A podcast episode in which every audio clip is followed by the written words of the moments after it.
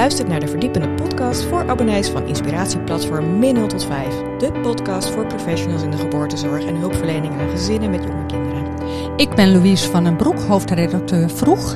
En ik ben Marlene de Zeeuw, klinisch psycholoog IMA Nederland. Ons doel is perspectieven aanreiken aan hulpverleners. En onze missie is meer maatwerk in moeilijke situaties en sneller herstel van het gewone leven.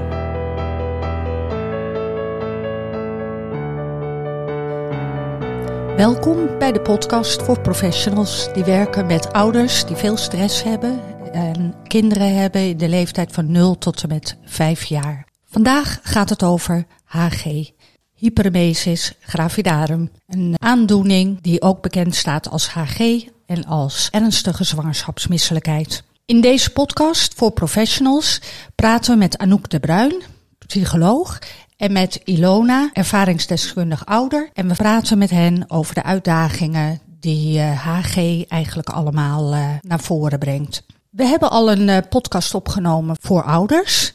En we willen daar even iets over delen van wat we daarin hebben gezegd. Ilona heeft haar verhaal gedaan. En het is zeker interessant als je die nog uh, wilt luisteren om dat te doen. Want het is een heel heftig verhaal en ze zal ook straks nog wat meer vertellen over haar ervaringen. Ja, en daarnaast hebben we een aantal uh, wetenschappelijke nieuwtjes of uh, belangrijke informatie gedeeld. Bijvoorbeeld, er is een stichting, Stichting ZEG, zeg je. En wie weet de afkorting hier helemaal. In ieder geval, het gaat over zwangerschap en Hyperemesis gravidarum. Precies. En dat is een fijne stichting. Ze hebben Facebookgroepen, brengen een magazine uit. Hele fijne stichting die meeschrijft aan de richtlijn die eraan komt. Daar gaan we het zo meteen beter en dieper over hebben. Nog eventjes over wat moet er in die richtlijn komen. Wat vinden wij ervan? Hè? We praten gewoon lekker mee op deze manier. Het is gegaan onder andere ook over de zoektocht naar de oorzaken. Want er is nog heel veel niet duidelijk. En er zijn een paar hypotheses langsgekomen. Het blijkt toch iets mogelijk van genetische aanleg te zijn. Misschien speelt een maagbacterie mee. Jij had nog iets, Anouk. Wat was dat? Iets met dat hormoon? Ja, een hormoon, het GDF-15-hormoon. Precies. Blijkt ook een mogelijke rol te spelen. Ja. ja.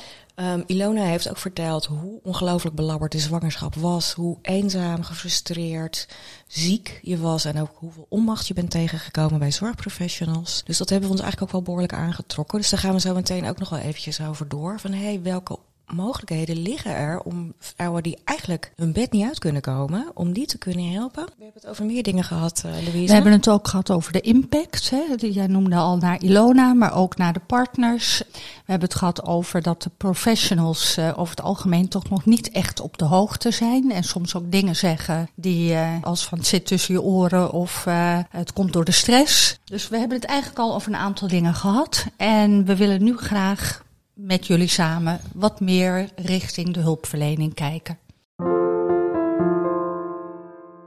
Want al die emoties die er door uh, zwangere uh, vrouwen heen gaan, en dat zijn er nogal wat, en ook door hun partners heen gaan. Ik heb een mooi fragment van Nora. Zal ik dat nu gelijk maar even voorlezen, Louise? Ja. Uh, Nora is uh, bestuurslid bij Stichting ZEG. En die heeft gezegd dat onder andere ze ook heel veel ja, respect heeft voor het perspectief van haar partner. Ze zegt het is absoluut een bittere leidersweg voor partners. Alles komt op hun schouders neer thuis qua geregel. Ze zijn machteloos, ze willen helpen, maar ze kunnen niks. Vaak wordt hun geur niet verdragen zelfs. Het inkomen door zorgverlof en niet werkende partner gaat vaak omlaag. Moet je nagaan op het moment dat je een ZZP'er bent. Hoe stressvol is dat? Die kant was eigenlijk ook nog niet zo goed tot, tot mij doorgedrongen. Dus vaak komen er ook nog eens praktische zorgen bij. Uh, als dit allemaal aan de hand is. Als je zo ongelooflijk misselijk bent en ziek bent van het zwanger zijn. Die praktische zorgen, herken jij dat, uh, Anouk? Ja, zeker. Het gaat gewoon natuurlijk ook over van ja, wie kan, uh, wie kan ondersteunen en kan en, en, mag de partner wel zorgverlof opnemen hè, van zijn werkgever. Heeft hij ook het soort baan waar, waarin dat kan? Is er uh, voldoende netwerk om de zwangere heen die ook kan ondersteunen? Er komen enorm veel zorgen op je af. Ja, als zwangere vrouw ben je compleet afhankelijk van andere uh, mensen om je heen, want je kan niet voor jezelf zorgen. En wat heeft jou geholpen in die tijd? Hoe heb jij dat opgelost? Of hoe werd het voor je opgelost? Het werd voor mij eigenlijk niet opgelost. Het was voor mij een kwestie van overleven. Nou, ik heb gelukkig uh, hele lieve partner, uh, familie en vrienden die mij er uh, doorheen hebben geloodst. Maar ik heb ze wel voor alles en nog wat uitgemaakt, want ik kon toch niemand verdragen. En de goed bedoelde adviezen, die, die vielen niet altijd even goed. Eh, Dus ja, Heb je voorbeelden? Want daar kunnen we natuurlijk met z'n allen als beroepsgroep wel wat van. Adviezen geven. ja wat, wat vind je lekker om te eten, wat vind je lekker om te drinken? Alles werd voor mij gemaakt wat ik zou willen. Maar het ging gewoon niet.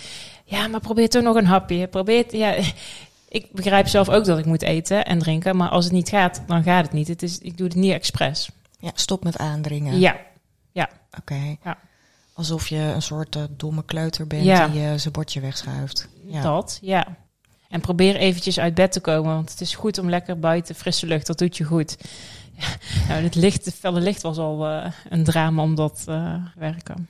Oké, want je vertelde eerder ook al dat je gevoeliger was voor geur. Je was ook gevoeliger voor licht. Ja. Dat, ja, het leek ook bijna wel alsof jouw zintuigen Ja, minder konden hebben. Klopt dat? ja ik, ik kon niks hebben. Ja, En ging dat ook over tast en aanraken, snel duizelig evenwicht, geluid? Eh, ja, ja, wat ik al zei, ik kon niks verdragen. Iemand die een knuffel wilde geven van, hè, het komt goed. Nou, laat me alsjeblieft met rust. Kom niet aan me. eh, je stinkt. Heb jij gezegd? Heb ik gezegd. ja. Ja, alles komt eigenlijk dubbel zo hard binnen. ja, klopt. Misschien wel drie dubbel zo hard. Ja. Ja. Herken jij dat ook, Anouk? Hoor je dat vaker? Ja, dat hoor ik zeker vaker. En dat maakt dat die vrouwen met HG echt eh, sociaal heel geïsoleerd eh, gaan leven of moeten leven om te kunnen overleven. Dat ze echt eh, alleen in een, in een, vaak in een donkere kamer zitten met een emmer naast om eh, te gaan spugen. En dat maakt het mentaal ook enorm zwaar, naast het fysieke zware aspect van zo'n HG-zwangerschap. Gaat het altijd met spugen gepaard? Nee, je hebt twee varianten. Je hebt een droge variant en dan is het continu een extreem misselijkheidsgevoel. Waarbij de zwanger ook echt eh, kan, kokhalzen, maar dat ze niet hoeft te spugen, niet hoeft te braken. Eh, maar waardoor ze wel nauwelijks eten kan, tot zich kan nemen of nauwelijks kan, kan drinken. En je hebt de natte variant en dat gaat gepaard met veelvuldig braken. Dan hebben we het echt over nou, misschien wel 20, 30 keer per dag. Overigens is het goed op te merken dat er ook echt qua ernst van de HG zitten ook weer verschillen in qua lengte. Sommige vrouwen hebben het eh, met name het eerste trimester of tot 20 weken. Eh Ilona had het helaas haar hele zwangerschap, eh, de HG. Dus daar zit wel verschil in. Maar we weten niet wat maakt dat je het korter of langer ervaart. Dus het is ook beter hè, als zorgverlener om niet, of ook als omgeving, om niet elke keer te zeggen: Oh, misschien na 16 weken wordt het wel beter, of na 20 weken. Want als het dan niet beter wordt, is dat juist een enorme teleurstelling. En kan je misschien ook wel als zwanger heel erg aan jezelf gaan twijfelen: van oh, iedereen zegt dat het beter moet worden, maar ik voel me nog steeds even slecht. Wat is er met me aan de hand? Ja, want eigenlijk heb je het meest iets aan mensen om je heen die bij je blijven, contact met je blijven onderhouden op een minimale manier, verdragen dat je niet op hun feestjes komt en niet reageert als je je Nee. daar niet goed genoeg voor voelt. Of extreem reageert? Ja, Ja. heel goed. Nou, ik heb, in de periode heb ik juist heel veel kaartjes eh, gekregen. Eh, we hebben heel de kamer volgehangen met kaartjes. Dat deed me heel goed. Mensen stuurden ook bloemen, maar ja, dat, die geur kon ik ook niet hebben. dus, ehm, maar het is wel heel fijn om te weten dat je een heel groot ja, netwerk om je heen hebt. Zelfs hè, van de plaatselijke sportschool kreeg ik een kaartje. Ja, dat doet je goed dat, dat, dat de mensen aan je denken. Van de een op de andere dag kan je niet meer functioneren in je dagelijks leven. Je ligt daar maar op bed te liggen. Dagen kruipen voorbij. Ieders leven gaat door, maar dat van jou staat stil. En je werk, hoe, hoe is dat gegaan? Toen ik begon met overgeven had ik een berichtje gestuurd van... Hè, ik denk dat ik een buikgriep heb, want eh, nou ja, ik moet overgeven. Ja, moest ik ook, maar ik wist natuurlijk wel dat het niet eh, door de buikgriep kwam. Maar dan denk je, ja, dat gaat vast niet zo lang duren. Nou ja, toen het na twee weken nog niet over was, heb ik het maar op mijn werk verteld. Dus mijn werk wist het eerder dan familie en naasten, want ja, je, je moet het wel vertellen. Ja, die reageerde heel lief en heel begripvol van, nou, doe rustig aan en doe, eh, denk vooral ook aan die kleine in je buik. Ik weet niet uit mijn hoofd, nou, maar na zoveel weken word je door de bedrijfsarts gebeld. Toen heb ik de, nou, de situatie uitgelegd. En die reageerde heel lief en heel begripvol van, nou, kijk wat gaat, doe rustig aan, we horen het wel. En ja, op een gegeven moment, hè, omdat het niet beter ging, zei ze ook van, nou, weet je, we melden jou tot, eh, tot je verlof ingaat ziek en eh, we wensen je het beste. Je, hoeft, je hebt niet die verplichting om aan ons te antwoorden hoe het met je gaat. Dus daar ben ik heel erg dankbaar voor, want anders toch stress. Ja, ik moet toch werken en wat denken ze wel niet van mij. En Laat mijn collega's zitten. ja, Ja. ja. Dan kan je daar ook schuldig over gaan voelen. Ja. Hè? Van, Ja. oh, ik eh, ben geen goede werknemer. Ja. En nou is het denk ik heel fijn dat jij een hele steunende werkgever had. Hè? Ja. Dat ze echt je alle ruimte gaven om, om je rust te nemen. Maar het kan natuurlijk ook anders zijn. Ik wil ook wel eens verraden dat het echt anders is hoor. Dat het niet zo steunend is. En dat, je, dat ze toch nog proberen eh, je enigszins aan het werk eh, te houden. En ik denk ook de andere kant. Ik zie ook veel zwangere vrouwen die wel last hebben van enorme misselijkheid en braak. En die het dan heel moeilijk vinden om eh, zich ziek te gaan melden. Omdat ze zelf ook denken, ook wat de omgeving zegt, van ja, je bent zwanger, je bent niet ziek. En dat het ook heel erg moeilijk is, zeker voor vrouwen die voor zichzelf de lat heel erg hoog hebben liggen, eh, misschien altijd eh, heel ambitieus zijn geweest, om dan ook aan zichzelf te moeten toegeven, maar het gaat niet meer. Ik moet me nu wel ziek melden. Dat is ook een enorm lastige stap om te nemen, hoor. Ja. Ik ben zo'n vrouw. Ik, want ik zei, ja, ik kan toch makkelijk gewoon de mail doen. Dat kan toch vanuit huis. Dat, dat gaat toch gewoon tussendoor wel. Want ik het Oh. s'nachts. Dat kan gewoon. Dus het spugen door. Ja, ja, ja. Maar ik ben heel blij dat ze eh, bij mij op de rem hebben getrapt en gewoon gezegd: nee, Ilona, je bent ziek. Denk aan jezelf. Maar ik besef me ook heel goed dat dat niet bij iedere werkgever zo is. Ja. Nee, maar dat hoor ik jou ook heel erg zeggen, Anouk, van het is een ziekte. Ja, nee, dit is echt een ziekte. Dit, dit overkomt je. Hier kies je niet voor. Het zegt ook niet over hoe gewenst jouw kindje is. Heel vaak eh, hebben vrouwen de wens voor een kindje. Zijn ze heel blij om zwanger te zijn? Is het gepland? En dan word je zo enorm ziek. Zo ziek zelfs dat je misschien soms kan denken of kan hopen van... oh, misschien is het beter als het een miskraam wordt. Of heb ik dit wel echt zo graag gewild, dit kindje? Want ik vind het nu echt helemaal niks aan. Ik voel me echt enorm slecht. Tot in het nou, heftigste geval om te gaan overwegen om een abortus eh, te plegen. Dus het is, het is echt een ziekte. En het is nog niet helemaal duidelijk ja, hoe het ontstaat. Er zijn wat verschillende studies die worden gedaan, maar de resultaten moeten allemaal nog, eh, ja, nog meer eh, duidelijk worden. Er is een hormoon wat mogelijk een rol, rol speelt. Heeft overigens niet te maken met het HCG, het zwangerschapshormoon. Dat werd eerst ook gedacht. En belangrijk ook, het, het ligt dus ook niet aan hoeveel stress je hebt als zwangere. Want dat wordt ook nog wel eens gezegd. Hè? Van nou maak je maar niet druk. Ga niet zoveel googelen. Doe maar rustig aan. Want ja, hoe meer jij je druk maakt, hoe, hoe zieker je gaat worden. Het is juist andersom. Hè? Dus je hebt die ziekte en daardoor eh, ga je stress ervaren. Ga je misschien somberheidsklachten ervaren. Ga je spanningen voelen. Dus het is niet dat de psychische component de oorzaak is. Nee, het is geen psychische ziekte. Het is geen psychische ziekte. Nee, het Nee. is echt een fysieke ziekte. Maar Ja. dat kan het wel worden. Dat kan het wel Ja. worden. Het kan wel een gevolg geven. Hè? Dat, Ja. dat er wel inderdaad mentale klachten komen. Ook na de zwangerschap nog. Ja. Want jij stipte net aan Anouk over de, ja, dat er echt toch wel een behoorlijk grote groep vrouwen is die dit treft, die nadenken over beëindig ik de eh, zwangerschap, beëindig Ja. ik mijn eigen leven. Is er goed op jou gereageerd, Ilona? Want jij gaf ook aan van, eh, ja, dat heb ik ook gedacht. Dat is ook door mijn hoofd gevlogen. Ja. Ja, Nou, sowieso heb ik twee weken lang dag en nacht alleen maar overgegeven. Ik kon gewoon niet eten, niet drinken. Toen kwam ik pas voor de eerste keer in het ziekenhuis terecht. Maar ik was toen inmiddels al wel 14 kilo afgevallen. Toen werd er dus HG eh, geconstateerd, een infuus. En toen ja, werd er gezegd, hè, zoveel weken, zoveel weken, zoveel weken. Maar er zijn ook vrouwen die heel een zwangerschap eh, dit hebben. En nou, helaas behoorde ik bij die vrouwen die het dus een hele zwangerschap hebben. Maar dat eh, ja, abortus ehm, heb ik zeker eh, overwogen. Ik wist er op een gegeven moment meer over te vertellen dan over hoeveel weken ik zwanger was. Ik, En wil je vertellen wat je, wat je deed of waar je was op dat soort momenten? Was Ja. dat er steeds? ja, ja, ja. Ik was ja, thuis in bed, Ja. alleen in een donkere kamer. Ging ik googelen ja, ja, tot hoeveel weken je een abortus kan en hoe dat dan zou gaan. En langs de andere kant dacht ik ook van, ja, maar ik ben zo ziek, ik eet niet, ik drink niet. Ah, dit gaat toch fout. Ja, je dacht, ik, ik overlijd hier aan. Nou, nee, ik niet, maar de, de baby, hè. Oké, dit, dit wordt een miskraam, dit kan nooit goed blijven gaan zo. Ja. Nou, ja, dat vind ik heel hard om te zeggen. Maar op dat moment was ik er ook ja, blij mee geweest als het ja, fout zou gaan. Hoe gewenst het kindje ook was. Ja. Ja, wat, wat dan een Wat een mix, hè? combinatie. Ja. wat een mix Ja. van En gevoelens. dat kan dus psychisch heel veel eh, ja, met je doen. Want ja, het hoort de mooiste tijd van je leven te zijn. Maar dat was alles behalve. Ja, op een gegeven moment is die wettelijke termijn voorbij. Heb je dan ook niet het gevoel dat je langzaam in een soort fuik bent gezwommen? Ja, maar langs de andere kant, eh, ik had een paar vriendinnen van wie een kindje krijgen niet vanzelfsprekend is. En als jij dan wel zwanger bent, Oh, wat Ja, lastig. Oh, wat dan is dat heel Ja. moeilijk. Ja, Ja. om dan ook naar hen te uiten van... eh, Precies. Dus ik vond dat ik het niet kon maken tegenover hun. En we wilden heel graag een kindje. Dus ik moest me er maar gewoon aan vasthouden dat het nou eenmaal zo was. En ehm, ja, dat. Ja, en dat heeft, heeft dat je geholpen of ook toch extra stress bezorgd? Allebei lijkt het. Allebei, ja. Ja, enerzijds weten van, eh, ik krijg zo'n kostbaar cadeau. Ja, het is niet vanzelfsprekend hè, om zwanger te zijn. En ik ben zwanger, dus daar moet Ja. ik hartstikke blij en gelukkig mee zijn. Maar ik voel me hartstikke ellendig. eh, ja, zo ellendig dat ik me dus afvraag, wil ik dit wel? Ja. Ja.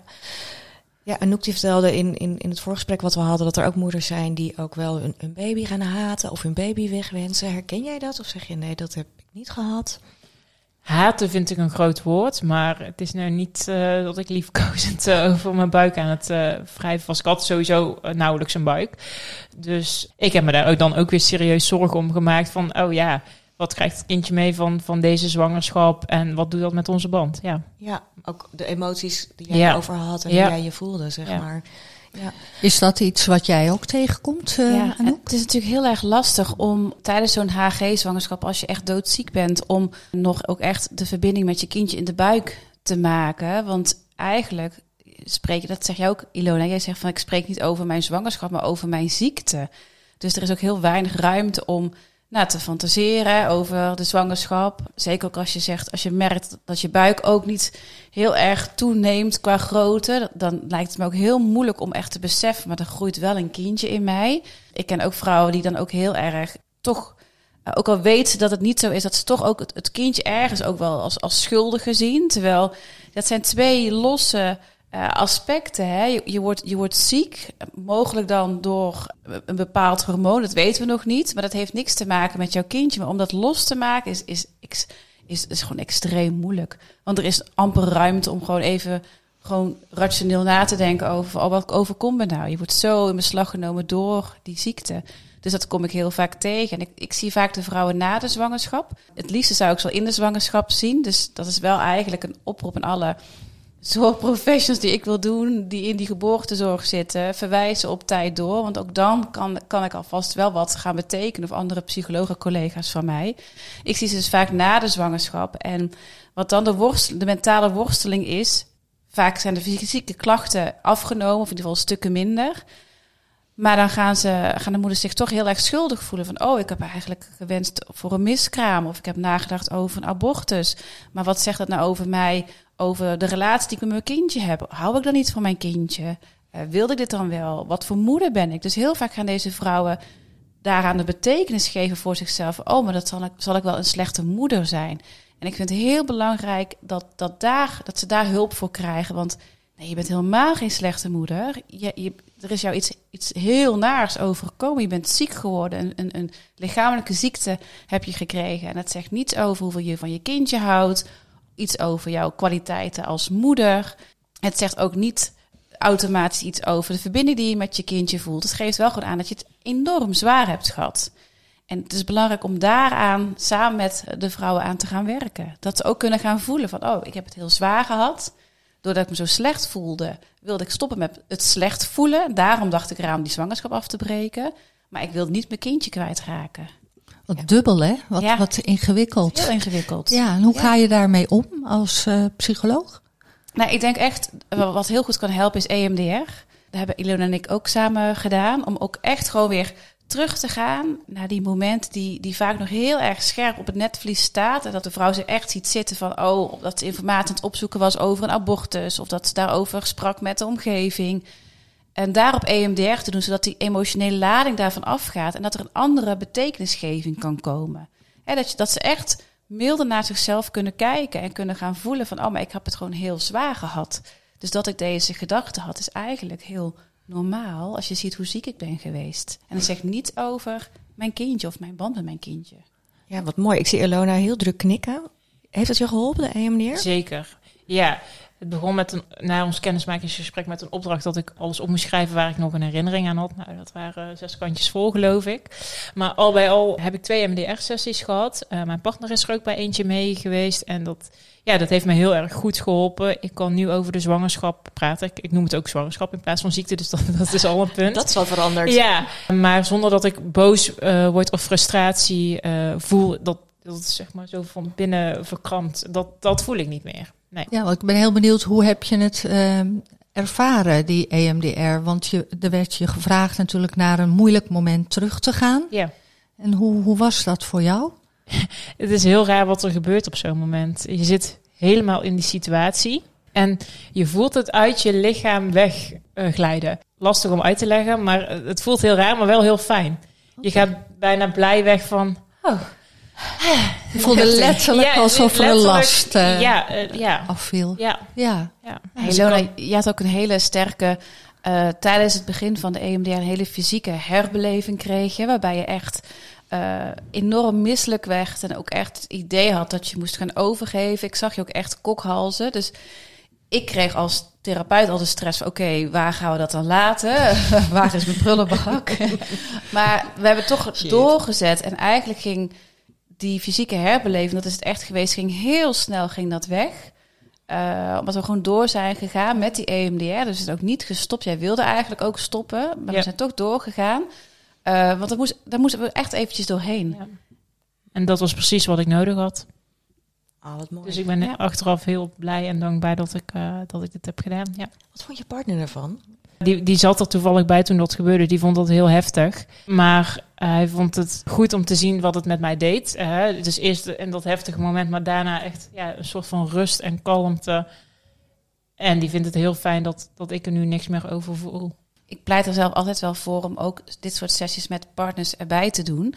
Eh, omdat tijdens de zwangerschap nou, heeft jouw partner zich ook heel erg nou, maar machteloos moeten toekijken hoe Ja. ziek je was. Hè. Je kon hem ook niet verdragen in je buurt eigenlijk door zijn geur. Terwijl het toch een hele frisse man is. Hè. Ja, ja, ja. ja, gezegd worden hier. dat is wel mooi. Laat er geen misverstand over zijn. Maar dat, dat hij nu tijdens zo'n EMDR zit door mee te komen... wel iets voor jou kon betekenen door ook naast je te zitten... en je ook te steunen tijdens de sessie. Hè? Dus hij kon nu wel ook iets voor jou betekenen... ook nu in het natraject er ook voor jou te zijn. Ja. En uiteraard tijdens de zwangerschap zelf heeft hij heel veel voor mij betekend en gedaan. Alleen op dat moment kon ik dat dus gewoon niet, niet hebben.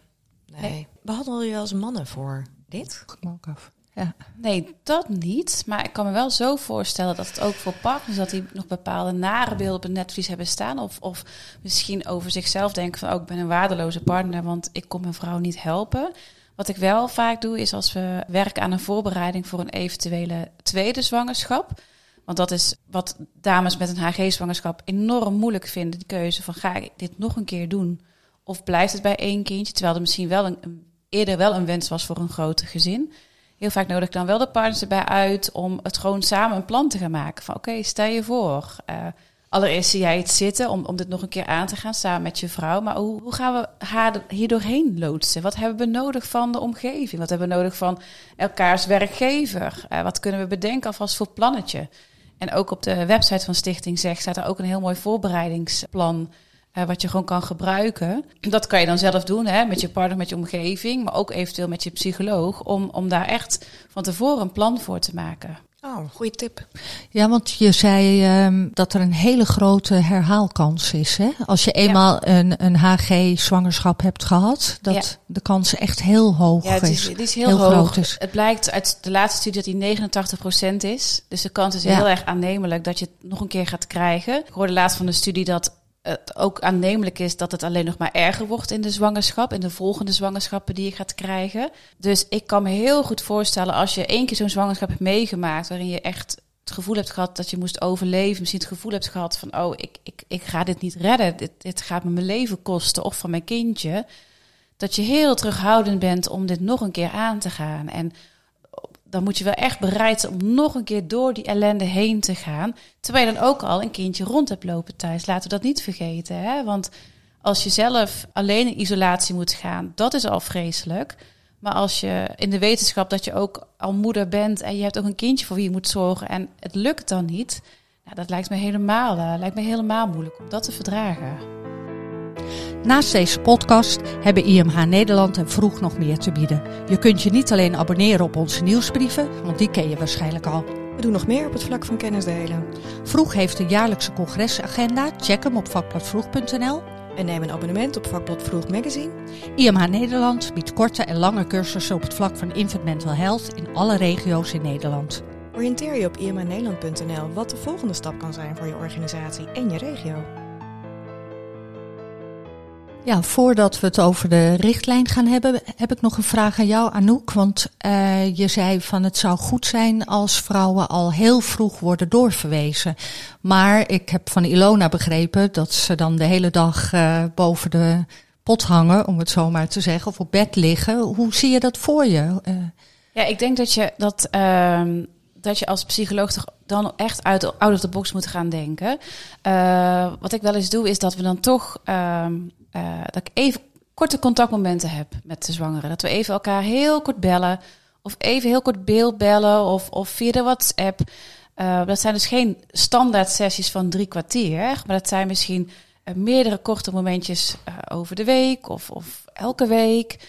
Um, daarin zul je echt maatwerk moeten gaan, gaan leven. Maar ik denk wel dat het heel fijn kan zijn voor een zwanger met HG dat ze dat er iemand is, dat een, een zorgprofessional er is bij wie ze haar hart kan steunen. Dat je samen kunt sparren, oké, um, hoe, ga je de dag doorkomen? Maar dat je ook samen aandacht kunt hebben voor de baby die wel groeit in je buik.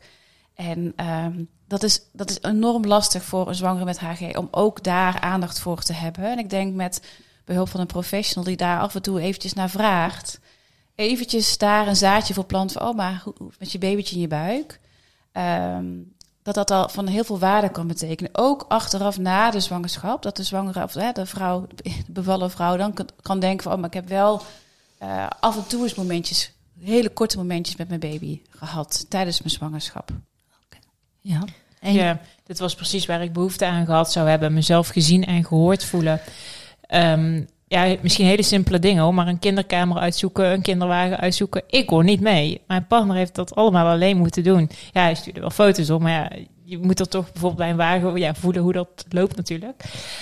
Um, dus ja, die hele kleine dingen, om daar gewoon dan eens met iemand over te kunnen hebben van, ja, maar hij staat er nu alleen te doen. Ik had dat heel graag zelf willen doen, maar het lukt me niet. Um, ja, en sowieso is het heel heftig om op de, van de een op de andere dag je leven stil te moeten leggen. Dus um, ja, ik had er echt wel behoefte aan gehad aan dat soort gesprekken tijdens mijn zwangerschap. Ja, want Louise, jij kwam aan met die hele leuke link uit Engeland. Daar is een stichting Pregnancy Sickness Support. Uh, we delen de link natuurlijk in de show notes. En die hebben dat, ja, wie Engels sprekende uh, patiënten, cliënten, ouders ziet, die kan ouders hier naar doorverwijzen. Dat lijkt me gelijk heel mooi. En eigenlijk zou ik denken, oh, dat willen we in Nederland ook. Het is heel moois. Uh, laagdrempelig. Je kan ja. appen, je kan... Ja. Er staan hele mooie teksten op. You're not alone. Click ja. here to WhatsApp or support team. Dus je mag gewoon support ophalen via WhatsApp. Er zijn vrijwilligers achter de schermen. En er zijn nog meer. Er is een forum. Je kunt elkaar steunen. Je kunt counseling krijgen. Uh, ze bellen je terug en er is een hulplijn. Nou, dat, uh, ja, dat, dat zouden we in Nederland ook ja, moeten hebben. Hè? Absoluut. Ja. ja. En het is goed om te weten dat Stichting Zeg heeft natuurlijk wel ook uh, praatgroepen hè, voor lotgenoten. Stichting Zeg voor zwangerschapsmisselijkheid en hyperemesis gravidarum. Dat zijn uh, besloten Facebookgroepen waar vrouwen zowel tijdens de zwangerschap als daarna elkaar kunnen vinden. Dat is heel waardevol. Ik hoor van, van vrouwen die daar gebruik van maken terug dat ze dat heel prettig vinden om gelijke te vinden ze kunnen daarin alles kwijt. Ze kunnen daar dus ook hè, je gedachten kwijt van, oh, ik, ik weet niet of ik dit nog wel trek, deze zwangerschap, of ik het nog wel wil. Uh, in een veilige omgeving kun je dat delen. Dus, dus dat, dat is denk ik ook echt wel een plek om in ieder geval in je zwangerschap informele steun te vinden. Maar het zou fijn zijn als er daarnaast ook wat meer professionele steun uh, is. Ja, en dat dat, ja, zo klinkt het alsof het een soort samenkomt ja. hier. Ja. Dat het een mix is van informele en formele steun. Ja. En dat zou natuurlijk wel heel uh, mooi zijn, dat dat gewoon beter uh, beschikbaar komt. Of ja, dat gat wat opvult tussen die grote stap naar een formele hulpverlener. Waar je van iedereen dan denkt, daar moet je naartoe. Ik kan me ook voorstellen dat heel veel zorgprofessionals niet verwijzen. Omdat ze denken, ja, jij bent zo ziek, daar kun jij niet aankomen. Of jij, jij stapt toch niet op de fiets? Nee. In mijn zwangerschap is het in ieder geval nooit uh, benoemd dat er uh, die mogelijkheid was. Oh, dus, nou, ja, moet je nagaan. Ja. En jij hebt heel veel in het ziekenhuis gelegen. Ja. Wil je daar nog iets over vertellen? Want je vertelde net dat je daar gewoon wekelijks zo niet, dagelijks, nachtelijks, nachtelijks Ook. was. Ja, dag, nacht, het maakt allemaal niet uit. Ik heb daar uh, geregeld ge, gelegen. Um, nou, als ik de gang op kwam rijden, oh mevrouw Ome, daar bent u weer. Dus um, ja, dat zegt denk ik genoeg. Ja. ja, ze kenden je allemaal ja. al daar. Ja. ja. En kreeg je daar ook steun op de een of andere manier? Ja, steun uh, met de ene uh, verpleegkundige heb je natuurlijk een betere klik als met de andere. Ehm, maar ze hebben zeker de moeite gedaan om bij mij aan bed te komen zitten met me te praten. Dus ja, steun. Ik weet niet of het het juiste woord is. Maar ze hebben me wel er doorheen proberen te Ja, slepen. ze zagen je wel. Ja, Ja. ja, niet allemaal, maar Nee. sommigen die namen wel echt die moeite. Dus ja. Ja. Ja. En moeite nemen betekende je, je even aanhoren of even ja, gewoon even zijn, bij me komen zitten van nou, wat een ellende, wat, wat jou overkomt, wat jullie overkomt. Ja, gewoon dat, dat, dat simpele praatje, maar waar je dan op dat moment wel heel erg behoefte aan hebt. Ja. En ik denk ook dat wat het ook lastig maakt, is dat er nog niet een, een standaard richtlijn is hè, over HG. En dat maakt dat het echt heel erg afhankelijk is bij welke zorgverlener je terechtkomt, ook bij welk ziekenhuis terechtkomt, in hoeverre nou, ze het serieus nemen, ze het ook echt benoemen dat je eh, HG hebt. Want ik hoor van heel veel vrouwen in mijn praktijk terug dat ze, eh, als ik ze dan hoor over de zwangerschap en ik noem dan HG, dat ze dan zeggen van ja, dat heeft nog nooit iemand tegen mij gezegd. En dan gaan ze zichzelf wat in verdiepen. Dan gaan ze wat lezen bij de stichting. Dan zeggen ze, oh, dat heb ik ook gewoon gehad. Dus dat maakt het heel erg echt een willekeur bij wie je terechtkomt en hoe ver je wordt, serieus wordt genomen. Het is toch ook zo dat het nog maar ook een recent ontdekte ziekte is, of niet? Of hoe zit dat nou precies? Nou, ik weet niet of het een recent ontdekte ziekte is. Ik weet wel, er is, eh, eh, ik denk van een paar jaar terug, zijn er echt internationale eh, criteria opgesteld. eh, waar je eigenlijk aan moet voldoen om te zeggen van er is sprake van HG. Eén daarvan is, het moet, de klachten moeten voor de 16 weken zwangerschap beginnen. Ehm, vrouwen moeten ehm, niks meer kunnen eten en drinken om, vanwege die ernstige misselijkheid en of braken. Ehm, ondervoeding hoort daar ook bij. En dat het dagelijks leven enorm beperkt is. Eigenlijk als je aan die criteria voldoet, dan is er sprake van HG. Maar het lastige is, is dat uh, ja, er zijn nog niet echt in Nederland niet echt de richtlijnen, ook niet wat betreft de behandeling. Oké, okay, en dat is wel nodig. Ik heb uh, in ieder geval mensen bij Stichting uh, Zeg gesproken en die zeggen, hij komt er wel aan. Ja. De federatie van specialisten um, wil dat hij er gaat komen. We verwachten hem ongeveer over een jaar. En we mogen daar als, als patiëntenvereniging aan meeschrijven. Daar zijn we ongelooflijk blij en dankbaar voor. Want dat betekent ja. dat we ook de prioriteiten van de patiënten met HG ook naar voren kunnen schuiven. En dat is weten waar het door komt in de hoop dat er een goede behandeling uh, komt. En volgens mij ook om de gevolgen voor moeder en kind beter in kaart te brengen. Ja, precies, want dat is wat de stichting wel heel erg benadrukt. Hè. Die voegt eigenlijk aan die uh, internationale criteria er ook nog aan toe dat het een, een potentieel levensbedreigende uh, ziekte is voor zowel moeder als kind. En daar komen hopelijk ook wat meer studies over, over van wat zijn nou eigenlijk hè, de, de effecten op, op het kindje en op jouw zwangerschap en ook op de langere termijn. Want daar is eigenlijk nog niet zo heel veel over bekend. Nee, dus. nee, nee okay. daar is nog niet zo over, over bekend. Ook ingewikkeld. Want ik kan me voorstellen dat je alleen maar hoopt dat het gewoon... Je bent ook bang geweest wat dit voor gevolgen had ja. voor je kindje. Ja. ja. Um, ja, doordat ik zo vaak in het ziekenhuis lag, zijn er wel heel vaak echo's gemaakt. Dus ik kon wel zien dat het met hem goed gaat. En er werd ook gezegd, hoe slechter het met jou gaat, hoe beter het met hem gaat. Nou ja, dat was dan een hele schrale troost, want ik dacht, dan moet het met hem heel goed gaan. En dat, uh, dat bleek ook zo. Maar ik heb me zeker ook wel afgevraagd van, ja, dadelijk is, is hij er. En ja, wat, wat voel ik dan? Kan ik dan blij zijn? Of denk ik van, nou, hm, hm, was dit het nou? Maar gelukkig, um, hij was geboren en het was gelijk goed. Dus dat, dat is wel heel fijn, dat die band die voel je. Uh, maar daar heb ik me zeker wel uh, zorgen om gemaakt, ja. Ja, en ik kan me ook voorstellen, ik heb zelf ooit een uh, ouder gehad, die had ook ettelijke keren in het ziekenhuis gelegen met HG. Uh, in de behandelkamer was dat trouwens, om even duidelijk te maken. En die merkte zelf dat ze gewoon nog heel bezorgd was voor haar kinderen. En dat was een van de redenen om hulp te vragen, dat ze erg uh, zich zorgen bleef maken. En daar kwam toen dat verhaal van HG over op tafel. En dat deed ze zelf een beetje af als van, ja, dat was moeilijk toen, maar dat is voorbij. Uh, en uiteindelijk bleek toch dat het wel een rol speelde in, uh, in ook hoe bezorgd ze was over het ja. welzijn van, uh, van de kinderen die ze had, maar had ik gekregen. Het heel invoelbaar, want als je al tijdens een zwangerschap, hè, je, je, kan bijna geen voedingsstoffen tot je nemen. Je, je gebruikt misschien medicatie waarvan je weet dat het heftige medicatie is. Dat je heel erg zorgen gaat maken over je kindje. Van, en, dat, en dat vragen in je hoofd blijven opblijven. Mijn kindje dit wel over, overleven. Ook al heb je tegelijkertijd de gedachte is van, nou, misschien kan het maar beter een, een miskraam worden. Dat is natuurlijk heel erg dubbel. Dus ja, heel dat, dat, dat thema hè, van, van de Motherhood Constellation, thema leven en dood, dat speelt natuurlijk ook na de, na de bevalling nog, kan het een hele grote rol spelen. Dat je misschien toch wat bezorgd bent van, oh, misschien gaat het alsnog mis met mijn kindje. Of gaat mijn kindje hier toch nog ja, last van krijgen eh, qua ontwikkeling of gezondheid.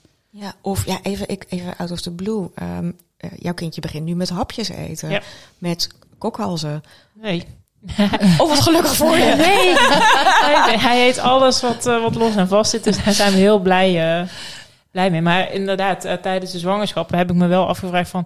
hoe kan het nou dat er een babytje in mijn buik groeit... terwijl ik niet eet en niet drink en alleen maar aan het overgeven ben? Hoe dan? Ja, dat Ja. is eh, voor mij onverklaarbaar. Maar eh, ja, Hij heeft het gedaan. hij heeft het gedaan. Ja. Ja, hij is gegroeid en groot Ja. geworden. En het Ja. was fijn voor jou om ook die geruststelling steeds te krijgen. Ja, ja, om te zien op de echo van nou, eh ja, was vrolijk in mijn buik eh, aan het bewegen en aan het doen. Ja, dan is het goed. Hè? Dat is dat, ja, Ja. had mij maar hele dagen aan zo'n apparaat eh, gelegd dat ik kon kijken dat hij daar naar zijn zin in mijn buik had. Dat, dat, ja, Dat had rust gegeven. dat geeft rust. Als Ja. je ziet dat het met de kleine goed gaat, ja, dan, dan stelt dat de moeder gerust. Ja.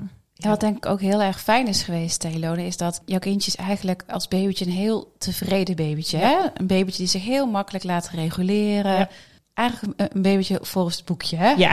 Je kent hem. Je kent hem.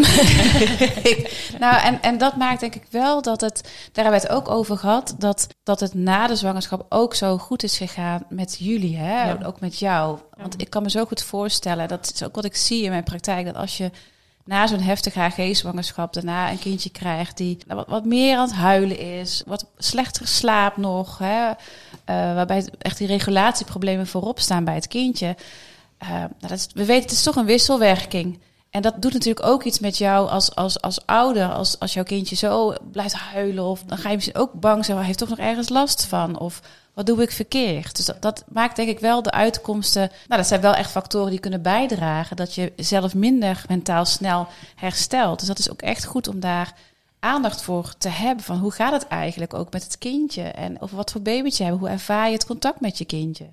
Bij jou ben ik gelukkig dat dat, dat, dat ook helemaal goed voelde. Ja. Maar dat kan natuurlijk ook anders zijn. Ja, zou jij pleiten dat na iedere HG-zwangerschap dat er standaard zeg maar een paar gesprekken komen met moeder en eh, In het meest Ik zie jou ideale heel hard. wereld. ja, zou de ideale wereld. Ja, ja, daar zou ik zeker voor pleiten. Ja, Ik vind het heel raar dat het eh, zowel tijdens mijn zwangerschap als net na de bevalling niet ja, tegen mij gezegd is dat het bestaat, dat het kan. ja, en ik ga dus nog een stapje verder van dat het gewoon standaard aangeboden zou moeten worden. Ja. Van, eh, het is een ziekte en net als bij andere ziektes. Ja, al als het maar gewoon een gesprek van, goh, hoe is het met je? Ja. Hoe heb je de zwangerschap Ja. ervaren? Hoe is het nu om moeder te zijn? Ik ken ook verhalen van vrouwen die zeggen van, ja, als ik eh, nu naar mijn baby kijk, dan eh, denk ik soms toch ook nog wel eens van, nou ja, door jou ben ik zo ziek geweest. En ze weten wel rationeel dat het kindje er niets aan kan doen.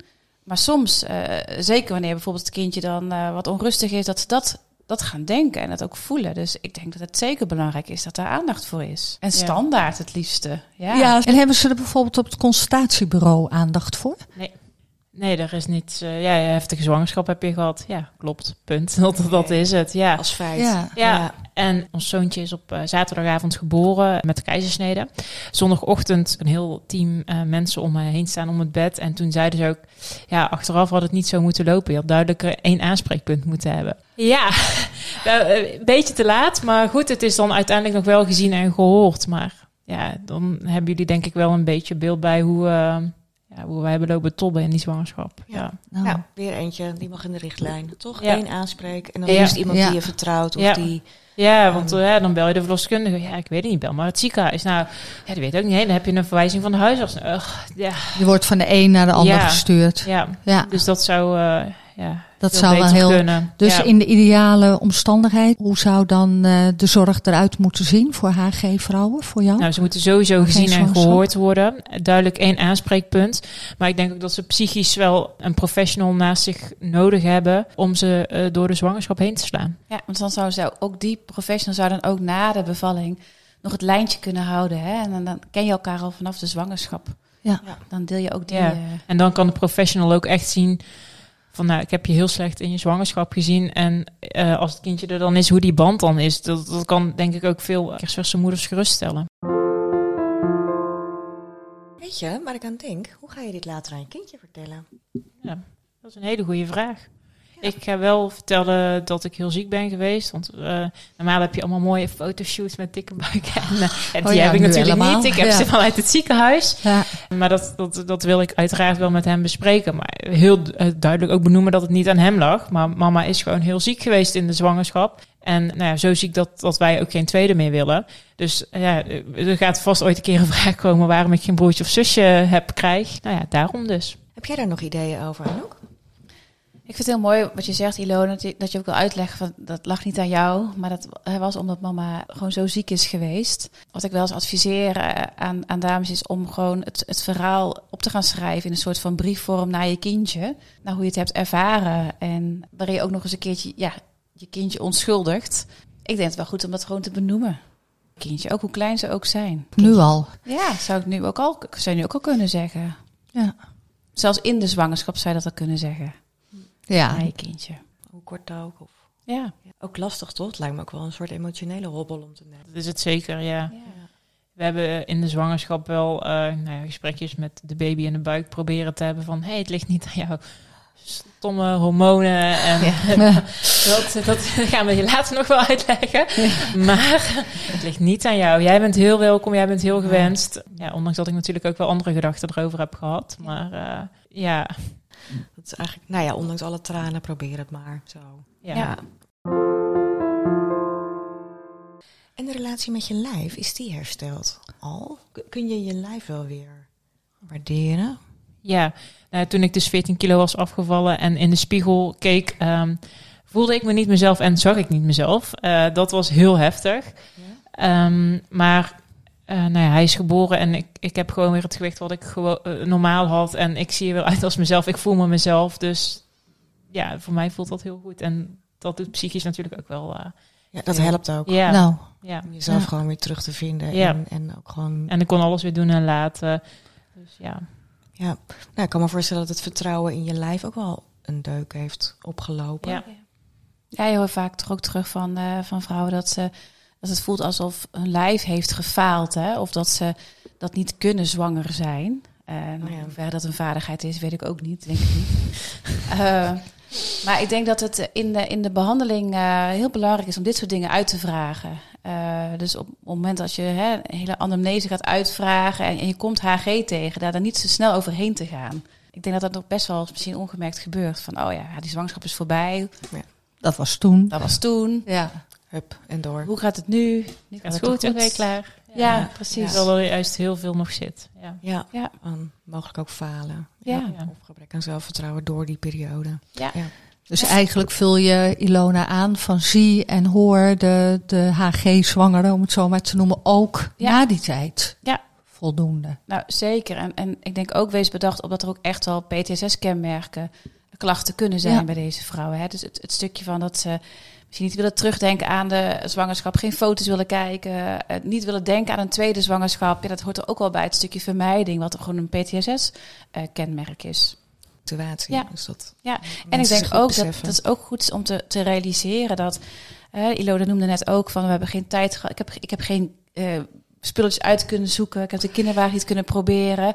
Ik bedacht me ook, het is ook gewoon daarna een soort rouwproces waar je ingaat. Hè, om eigenlijk afscheid te nemen van het beeld van een zwangerschap. Hoe je die in je hoofd had zitten. Wat anders is gegaan. Wat misschien ook niet meer terug gaat komen als het echt bij deze zwangerschap blijft. Dan mag je ook de tijd voor nemen eh, en ondersteuning bij krijgen om daarover te rouwen. En je daarover verdrietig te voelen. Eigenlijk zitten er heel veel kanten aan. Ja. Hè? aan Ja. het, eh, je, je praat er inderdaad snel overheen met elkaar, maar Ja. het is Want- veel meer dan. eh, Ja, want hè, de baby is er uit. Gaat goed met jullie. Nou, succes ermee. Maar ja, er zit dus nog heel veel. Ja. Ja. Dus een gesprek daarna, na zo'n zwangerschap, eh, ja, lijkt me heel goed voor iedereen. Ja. Ja, geef haar geen zwangere het gevoel dat ze gezien en gehoord worden. Neem er de tijd voor. Naast deze podcast hebben IMA Nederland en vakblad Vroeg nog meer te bieden. je kunt je abonneren op onze nieuwsbrieven. Oriënteer op het gratis pakket. Starten met Infant Mental Health. Kijk op de website van Vroeg voor de laatste nieuwsberichten over ons vak of neem een abonnement op het Vroeg magazine. Neem een van de pakketten van IMA Nederland voor jouw regio rond gezinnen met kinderen in deze leeftijdsgroep. Of, het kan niet op, neem een abonnement op het inspiratieplatform Min 0 tot 5. bomvol met webinars, mini-colleges, leerzame rollenspelen en bijpassende artikelen.